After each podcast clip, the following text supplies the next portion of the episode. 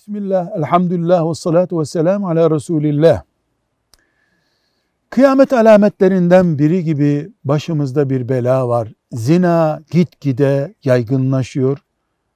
Maalesef suç olmaktan da çıkar hale geldi.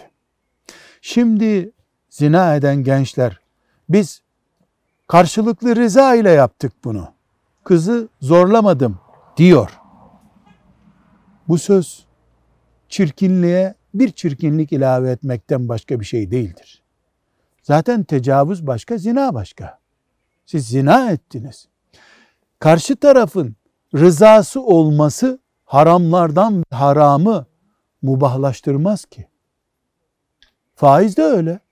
Herhangi bir harama öbür taraf rıza gösterdi diye o mubah olmaz. Ötenazi haramdır.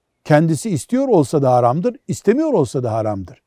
Cinayette sen beni öldür diye ricada bulunsa öldüreceğiz mi? Bu cümleyi kullanmak zinaya çanak tutmak olduğu için zina gibi bir büyük vebaldir.